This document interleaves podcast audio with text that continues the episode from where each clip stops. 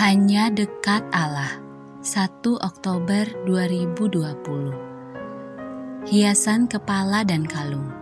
Amsal 1 ayat 8 hingga 9 Penulis kitab Amsal dalam ayat 8 hingga 9 menyatakan Hai anakku, dengarkanlah didikan ayahmu dan jangan menyia-nyiakan ajaran ibumu sebab karangan bunga yang indah itu bagi kepalamu, dan suatu kalung bagi lehermu.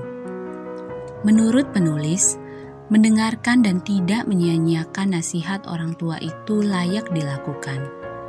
Pertama, orang tua jelas lebih tua dari anaknya, dan dari sudut ini saja mereka pasti lebih berpengalaman. Karena itu, nasihat mereka biasanya lahir dari pengalaman hidup jadi bukan hanya teori.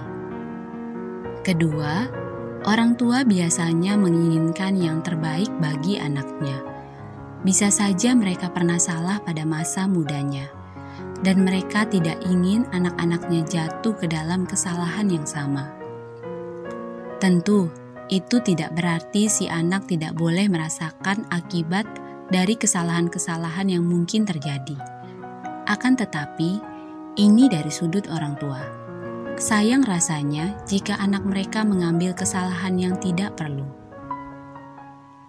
Ketiga, orang tua hanya menjalankan perintah Allah sebagaimana dalam ulangan 6 ayat 6 hingga 7.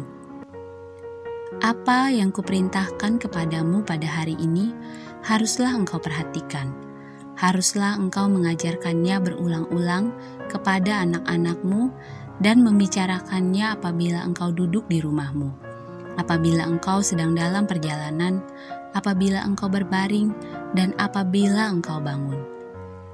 Itu berarti ketika anak-anak mendengarkan nasihat orang tua, mereka sedang menolong orang tua menunaikan tugasnya selaku orang tua. Dan menurut penulis kitab Amsal, semua didikan dan ajaran itu seperti hiasan kepala dan kalung yang akan memperindah kehidupan mereka. Dalam Alkitab Bahasa Indonesia masa kini tertera, ajaran-ajaran mereka menambah budi baikmu seperti hiasan kepala dan kalung memperindah rupamu. Mendengarkan orang tua memang bukan hal mudah.